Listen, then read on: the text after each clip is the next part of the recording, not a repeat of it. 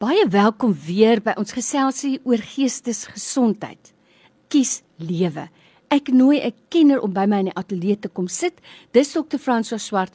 Hy is 'n pastorale en kliniese terapeut en ons pak lewenskwessies sommer kaalvuis aan. So ek wil darm net eers sê Dr. François vir jou tyd vandag vir kenne ons waardeer dit baie welkom. Dankie Lorraine en hallo aan al die luisteraars. Ek sien uit om saam te kuier vandag. Dr. François, ons het verlede week begin gesels oor hierdie vakansie, gemoedere wat hoogloop, gesinne wat saam kuier. Daar is mense wat die hele jaar deur nooit 24 uur onder een dak deurbring nie. Ons het gepraat oor vergifnis dan juis in hierdie tyd en oor my optrede en wat ek kan doen om te sorg dat dit 'n aangename atmosfeer is vir almal. Ons gesels vandag verder oor hierdie onderwerp en dit is die groot dae of die vakansiedae wat voorlê. Verskillende gesinne, of vriendekringe besluit dan gewoonlik om veral oor Kersfees en Nuwejaar bymekaar te wees. Mense en ek weet oral in die wêreld, maar veral in Suid-Afrika, stel 'n hoë premie dan op samesyn en op familie. Hier is my vraag nou. Hoe kan ek en die ander volwassenes voor die tyd seker maak dat dit 'n aangename vakansie vir almal gaan wees? Want Ouers is maar baie kleinserig oor hulle eie kinders. Ek kan nie sommer net 'n ander ouer se kind dissiplineer of kwaai aanspreek nie. Maar dit sal ons alleen regkry as ons voor die tyd hierdie hele storie uitpak. Wat is van die goeie wenke wat ons hier kan toepas? Ja, dis maar riglyne in 'n gesprek en 'n mens wil nie 'n vakansie verskriklik rigied beplan. Uh, dis tog 'n ontspanningstyd en dis 'n spontane tyd. Maar met ons laaste gesprek het ons gesê as 'n mens konflik tussen families en mense wil goed bestuur, beplanning, beplanning, beplanning is belangrik. Nou, dit gaan hier rondom jou vraag oor hoe jy spasies tussen mense bestuur. Hoe jy ruimtes tussen mense bestuur. Hoe jy atmosfeer tussen mense bestuur. En die sleutelwoord daar is 'n Jy wil nie met jou vriendin tee sit en drink en sê, "Kom ons beplan net hoe gaan hierdie vakansie nou loop in 'n in 'n baie formele gesprek mm -mm, ingaan nie." Jy wil dit lig hou en vir haar sê, "Jong, ons gaan nou as drie families saamkom. Ons is almal uniek. Julle eet uniek. Julle staan ander tye op. Elke gesin het sy eie ritme." Kom ons praat net bietjie oor hoe gaan ons ons da dag se ritme elke dag beplan vir die volgende 2 weke. Dis 'n ligte gesprek. Dit gee vir ons dan tyd dat ons kan beplan. Elke ou doen sy eie ontbyt op sy eie tyd. Is dit reg so met jou? Middagete lyk dit vir my uh, elke ou gaan sy eie koes en jy het bietjie familietyd op julle eie en dan kan julle ook julle eie manier eet en saam wees as gesin en pappa en mamma saam met julle kinders en dan veral hier 3 uur in die middag, dan kom ons gesinne bymekaar. En dan kuier ons lekker en ons sit 'n vuur aan en speel bietjie met die kinders. Maar afhangende van wat die ouderdom van die kinders is, as dit kinders is wat nog in die laerskool is, uh dink ek met daai rustigheid by die kinders kom hier so, so tussen half 9 en 9 uur. Mm. Jy weet hulle moet rustig raak so die groot mense bietjie kan saamkuier en 11 uur is dit tyd dan vir die groot mense om dan die aand af te sluit. Maar die groot ding is dat daar wel 'n gesprek tussen die partye moet wees. En ek moet sê, dan kan 'n mens dit voor die tyd, miskien sommer met 'n lekker e-posie doen en jy stig 'n groepie. Deesdae het ons mos sulke lekker WhatsApp groepies. Die Weskus vakansie groepie. En weet, eh, Dr. Franso, as dit voor die tyd uitgeklaar is, maak dit dit net soveel makliker. En ek het nou baie in my lewe gesien. As daar iets is wat ek graag gedoen wil hê of waarvan ek hou, dan sal ek met myself begin.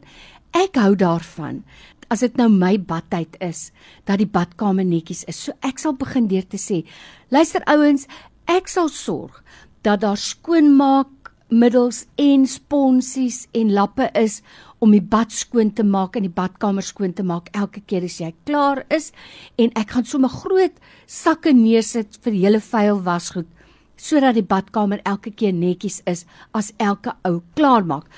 As ek byvoorbeeld nie 'n ouer is wat speletjies kan uitdink met kinders nie, dan sal ek byvoorbeeld die vraag kan vra en sê: Wie kan vir ons 'n paar speletjies saambring om die kinders mee besig te hou?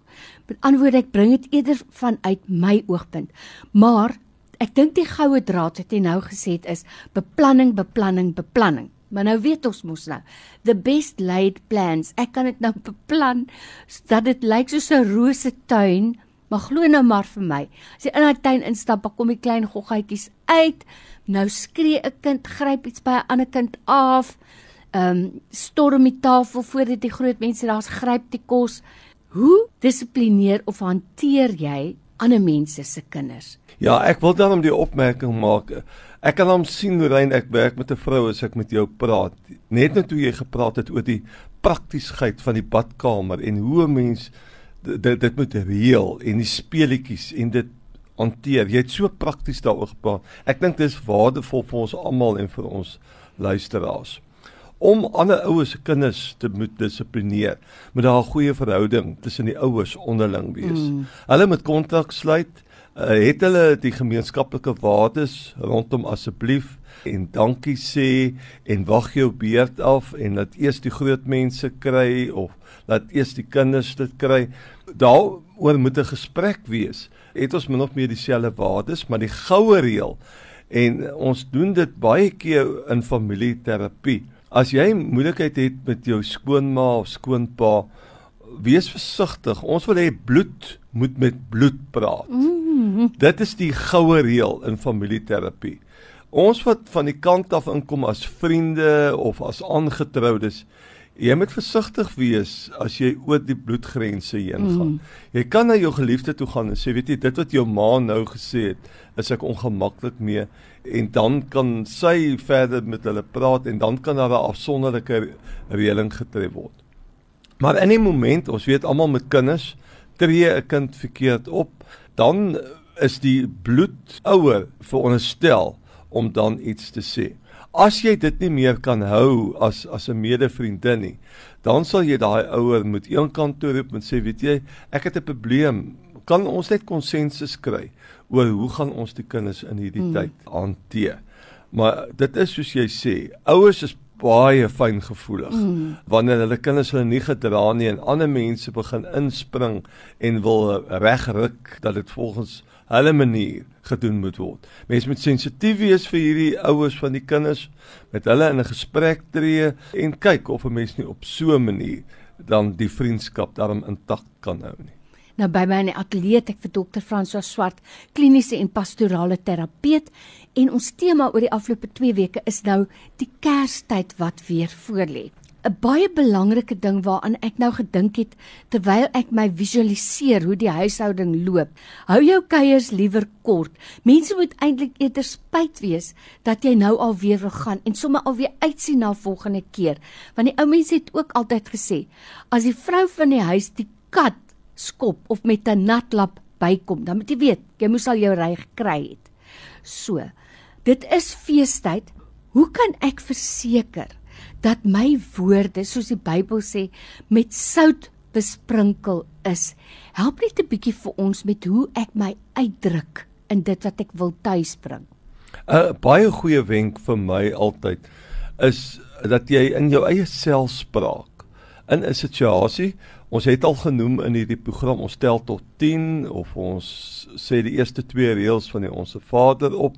Onse Vader wat in die hemel is, laat U naam geheilig word en dan vir jouself afvra in hierdie situasie uh, kan ek myself indink in die ander persoon se skoene en 'n ander baie goeie reël in jou eie selfspraak is om te sê as ek in daai persoon se skoene was hoe sou ek verkies het dat daar met my gepraat word hoe wil jy gepraat word in 'n situasie as jy in die moeilikheid is jy het dalk iets verkeerd gesê of jy het iets verkeerd gedoen En normaalweg is die belangrike goed vir ons waardes is met respek moet daar met my gepraat word. Uh, daar moet nie op my geskree word nie.